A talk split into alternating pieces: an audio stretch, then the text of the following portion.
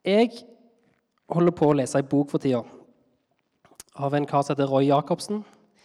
Eh, ei bok som heter 'De usynlige'. Noen har kanskje hørt om han eller boka, eller kanskje lest boka. Eh, Handlinga er lagt til ei øy ute i havgapet i Nord-Norge. Jeg tror det er litt utenfor kysten for Mosjøen, eller der omkring. Um, og det følger livet og oppveksten til ei jente som heter Ingrid Barrøy, på denne øya. Eh, det er vel det en kan kalle ei slags øde øy. Det er én familie, fire fastboende. Det er litt støkk ute på den øya. da. Jeg skal ikke røpe hele boka, men, det handler litt om, om, om, livet på den øya. Et liv som er bygd på selvforsyning, klare seg sjøl med det som er. Klare seg med de dyrene en har. Klare seg med det en klarer å dyrke. Eh, kanskje innimellom, hvis det er sterke stormer og tjo og hei, så velter det i land noen rester i, på strendene som de kan bruke til et eller annet. Eh, anvende til nye ting. Ting de må bygge, det må de bygge i forbånd. Eh, de spikker og de smir. De ordner seg med det de har. Ja, klart Innimellom så må de selge og kjøpe. De er store på dun, så det er det de selger.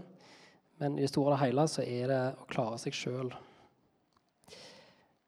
Og dette livet er så utrolig fjernt fra det livet som jeg lever, iallfall. Um,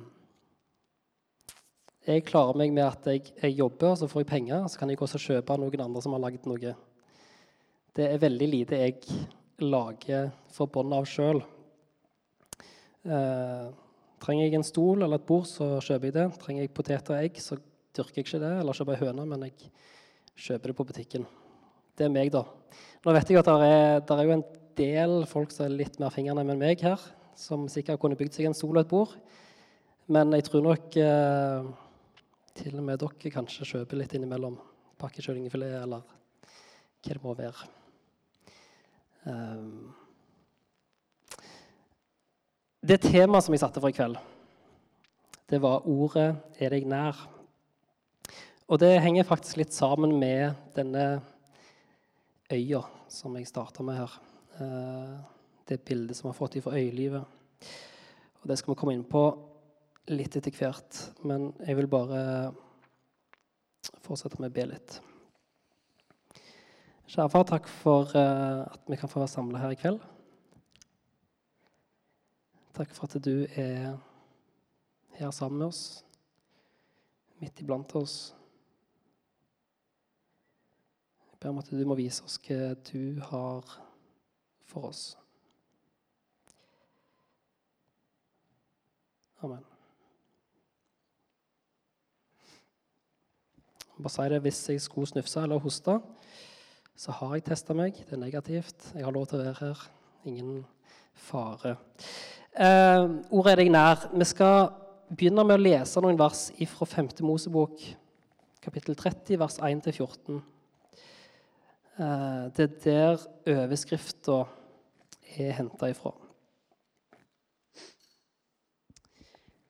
Når alt dette kommer over deg, velsignelsen og forbannelsen som jeg har lagt fram for deg, og du tar det til deg i ditt hjerte, ute blant alle folkeslagene som Herren din Gud har drevet deg bort til, og du så vender om til Herren din Gud av hele ditt hjerte, av hele din sjel, og lyder Hans røst i alt det jeg pålegger deg i dag, både du og dine barn, da skal Herren, din Gud, vende din skjebne og være barmhjertig mot deg.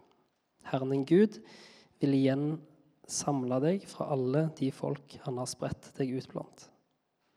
Om du så er drevet bort til himmelens grense, skal Herren din Gud samle deg derfra, og derfra skal han hente deg. Herren din Gud vil føre deg til det landet som dine fedre inntok, og du skal innta det igjen. Han skal gjøre vel mot deg og gjøre deg mer tallrik enn fedrene dine. Herren din Gud skal omskjære ditt hjerte og dine etterkommeres hjerte, så du elsker Herren din Gud av hele ditt hjerte, av hele din sjel, sånn at du skal få leve. Herren Gud vil legge alle disse forbannelsene på dine fiender og gjøre dem som hater og forfølger deg. Da skal du vende om og lyde Herrens røst og holde alle hans bud, som jeg gir deg i dag. Herren din Gud vil skjenke deg alt godt i overflod gjennom alt du gjør, gjennom frukten av ditt morsliv og frukten av din buskap, frukten av din åkerjord. For Herren vil igjen glede seg over deg til ditt beste, som han gleder seg over dine fedre, så sant du lyder Herren din Guds røst og holder hans bud og forskrifter, som er skrevet i denne lovboka og så sant du vender om til Herren i Gud av hele ditt hjerte og hele din sjel. Disse budene som jeg gir deg i dag, er verken ufattelige eller langt borte. De er ikke i himmelen, så du må si 'Hvem vil fare opp til himmelen for og hente dem ned?' Så vi kan få høre dem og leve etter dem. De er heller ikke på den andre siden av havet, så du må si 'Hvem vil dra over havet for oss og hente dem?' så vi kan høre dem og leve etter dem. Nei, ordet er deg helt nær i din munn og i ditt hjerte, så du kan leve etter det.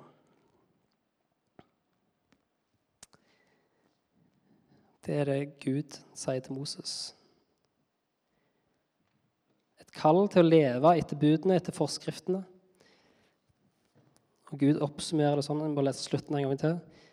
Disse budene som jeg gir deg i dag, er verken ufattelige eller langt borte. De er ikke i himmelen, så du må si hvem vil fare opp til himmelen for oss og hente dem ned, så vi kan få høre de og leve etter dem. De er heller ikke på den andre sida av havet, så du må si hvem vil dra over havet for oss og hente dem, så vi kan høre dem og leve etter dem. Nei, ordet er deg helt nær i din munn og i et hjerte, så du kan leve etter det. Vi tar en tur tilbake til denne øya, bare for at dere skal forstå linken her. da. For Det minner meg litt om denne øya. Det som eh, Ingrid, det som Ingrid Barøy og familien trenger på den øya for å overleve, det finner de på øya. De er selvforsynt. De trenger ikke, sånn som i teksten, å reise over til andre sida av havet for å finne det de trenger. De er ikke avhengige av å importere ting og tang. Så det hender at de gjør det allikevel, at de reker ting opp på stranda, eller at de kjøper seg en, en ny skrustikke eller et eller annet hvis de trenger det. Men i det store og hele så er de selvforsynte. Hvis en trekker den parallellen over til våre kristenliv, hvordan fungerer det der? Jeg tror nemlig at vi kan satse stort i våre kristenliv på import. Det bildet skal jeg forklare litt mer. For Hvis en tenker vårt kristne liv i Norge i dag I Salem, som en del av et fellesskap, så er det noen tanker som jeg tror fort kan slå inn. Og det sier jeg fordi de har slått meg, så det regner jeg med det er ikke bare meg. Regner med det er noen som kan kjenne seg igjen i det. Punkt én Tenk så mye bedre det var før i tida. Ikke om jeg har sagt det så mye sjøl, for jeg føler ikke jeg er gammel nok til å si det ennå. Men jeg har hørt det bli sagt. Mye bedre når bestefar var unge i menighetsliv, kristenliv. Eller den er jeg skyldig for sjøl. Når jeg gikk i Misjonssalen i Oslo, så prikk, prikk, prikk. Jeg har lest om eh, menigheter i USA som gjør prikk, prikk, prikk. Eller når jeg var innom Hillsong i London ja, Jeg er skyldig på den òg. Så gjorde de det. Det var veldig stilig. Eller i den forrige bibelgruppa mi så hadde vi det sånn og sånn, og det var veldig, veldig bra. Jeg kunne sikkert ramse opp mange ulike scenarioer, men felles for de alle, og det som jeg vil litt inn på, at det er eksterne impulser, impulser utenfra, som vi ser til. Enten det gjelder eh, når de sang for sangboka når morfar var ung, eller om det handler om ulike menighetspraksiser eller bibelgruppeopplegg andre plasser. Og jeg snakker på ingen måte ned det å se til hvordan andre praktiserer trua si. Det tror jeg er sunt, jeg tror det kan bli til inspirasjon. Men jeg tror òg det kan bli en fare med det hvis en ikke er bevisst hvordan en lærer av hvordan andre gjør det. På trinn én er som regel at en alltid blir veldig begeistra for noe.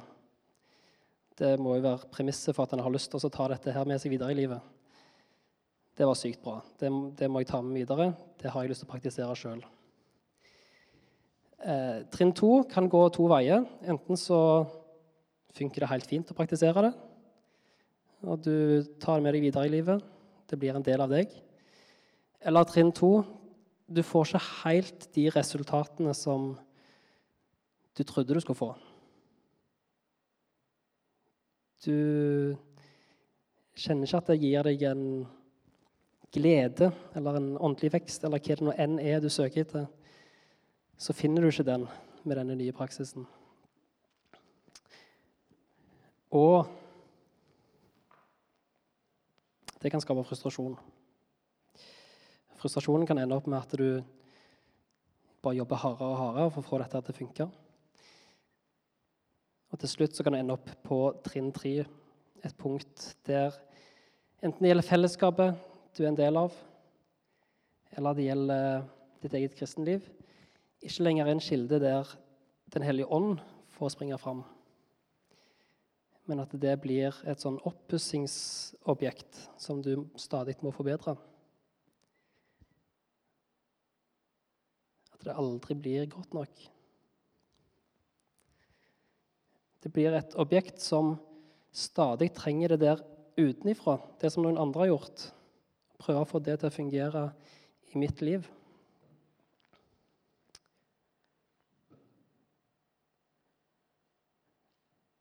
Og det kan komme til det punktet der en etter hvert ikke ser at Jesus faktisk er midt iblant oss.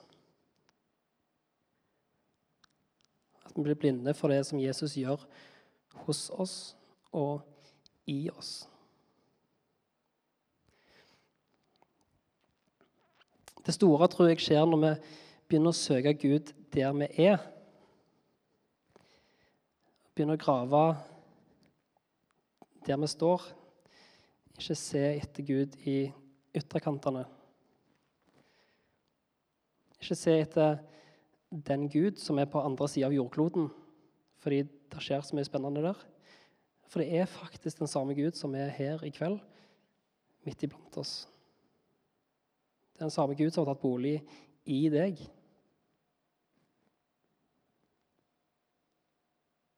Og han har noe han har lyst til å si til oss.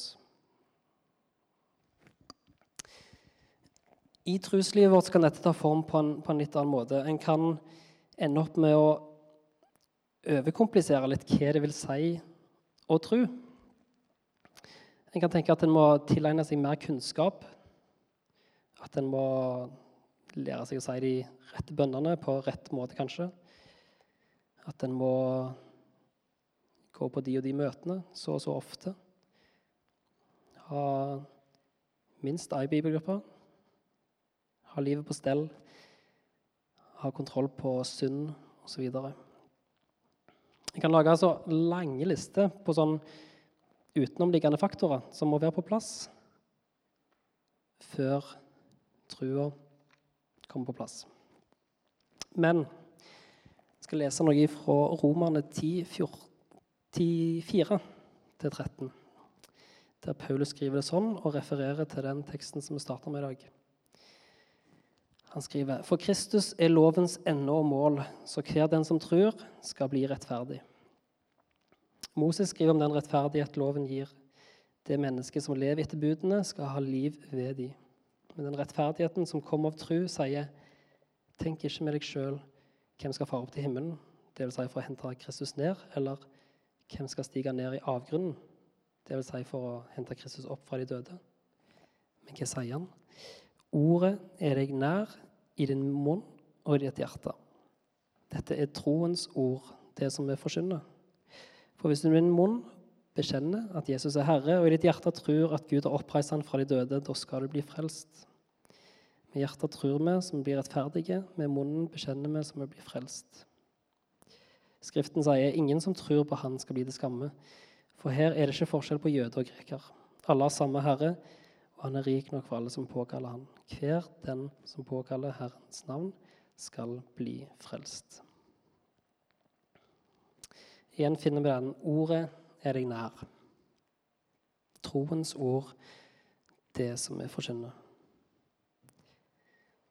Det handler ikke om å pusse opp på fasaden på utsida.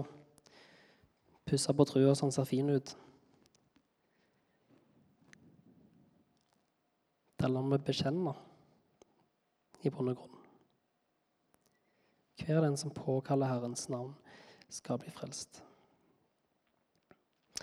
For når vi er til stede og søker Gud der vi står, der vi er, så stiller vi oss òg åpne for det som Gud har lyst til å si oss. Vi stiller oss i en lyttende posisjon. Og det er interessant, fordi det er faktisk ikke sånn at uh, det budskapet som Gud har til oss, alltid er det samme til hver og en. Uh, han vektlegger til ulike tider forskjellige ting, og det kan vi se av uh, brevene til de syv menighetene i Johannes' åpenbaring, kapittel 2 og 3. Nå har jeg sagt, lagt inn alle versene i kapittel 2 og 3 på powerpointen. Vi skal ikke lese alle. Men hvis vi ser på dette her, da Starter med menigheten i Efesos. Gud sier, 'Jeg vet om dine gjerninger, ditt strev og din utholdenhet.'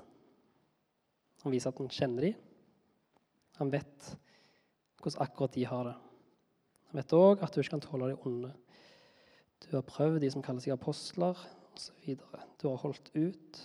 Du har tålt mye for mitt navns skyld og ikke gått trett. Så går han videre til Smyrna, menigheten i Smyrna. Der sier han at han vet om de trengsler som de måtte lide, hvor fattig du er. Men du er rik. Han sier at han vet at du blir spotta av de som kaller seg jøder, men ikke er det. Til Pergamon litt seinere skriver han jeg vet hvor du bor, der hvor Satan har sin trone. Likevel holder du fast ved mitt navn, og du har ikke fornekta trua på meg. Men noe har jeg imot deg. Så legger han ut det òg.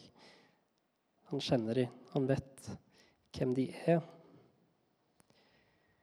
Til Tyatira jeg vet om dine gjerninger, din kjærlighet, din tro, din tjeneste og utholdenhet men dette har jeg imot deg. Du tåler denne kvinna Jesabel. Så er det òg andre i den menigheten som ikke følger den læren, og som ikke har kjent Satans dybder, som de kaller det. Så har han et nytt budskap til de. Til Sardes Jeg vet om dine gjerninger. Ja, nå har du sikkert tatt helt av, Ole Petter. Beklager. Jeg bare kjører på med kapittel 3, vers 1-6. Det heter om deg at du lever, men du er død. Våkn opp og styrk det som er igjen, og som holder på å dø. For jeg har funnet at dine gjerninger ikke holder mål i min Guds øyne.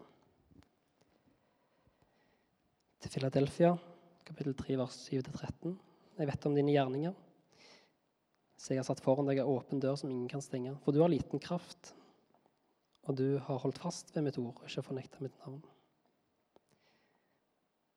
Til Laudikea det er òg der, sier han, jeg vet om dine gjerninger. Du er verken kald eller varm. Om du bare var kald eller varm, men du er lunken, ikke varm og ikke kald.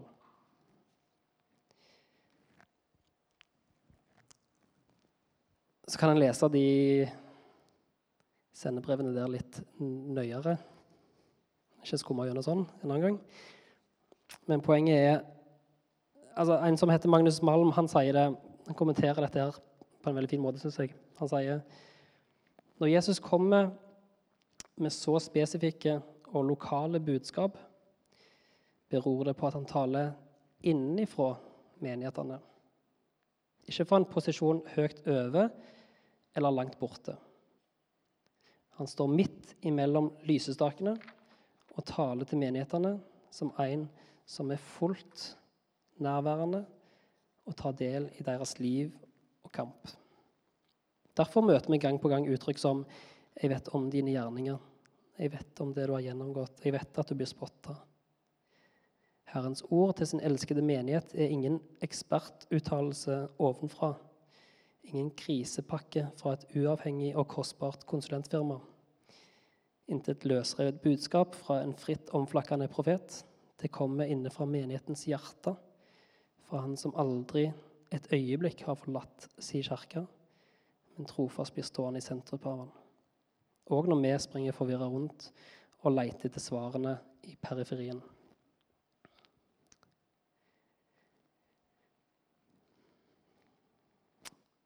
Budskapet som vi trenger å høre, det budskapet som Jesus har for oss.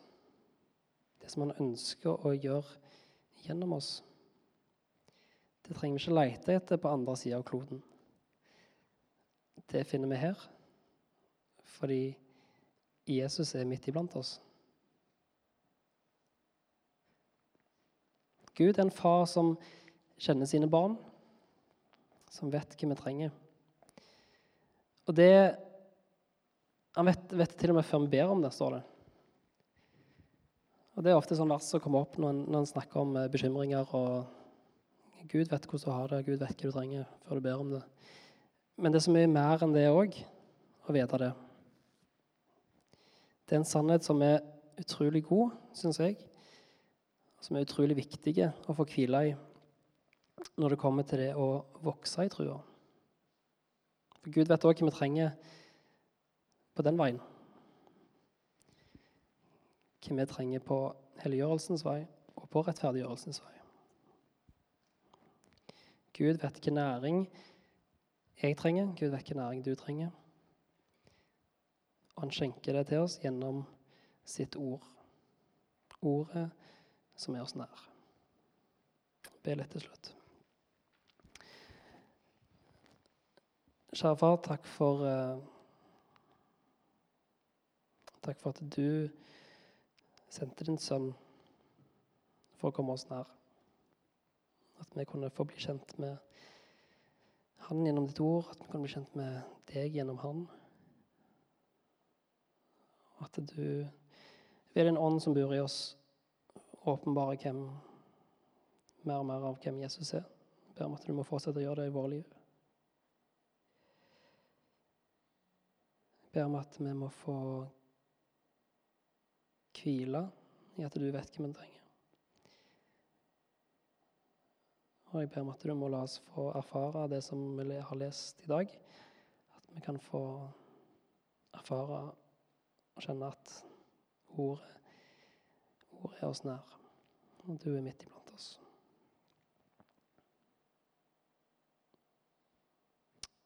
Amen.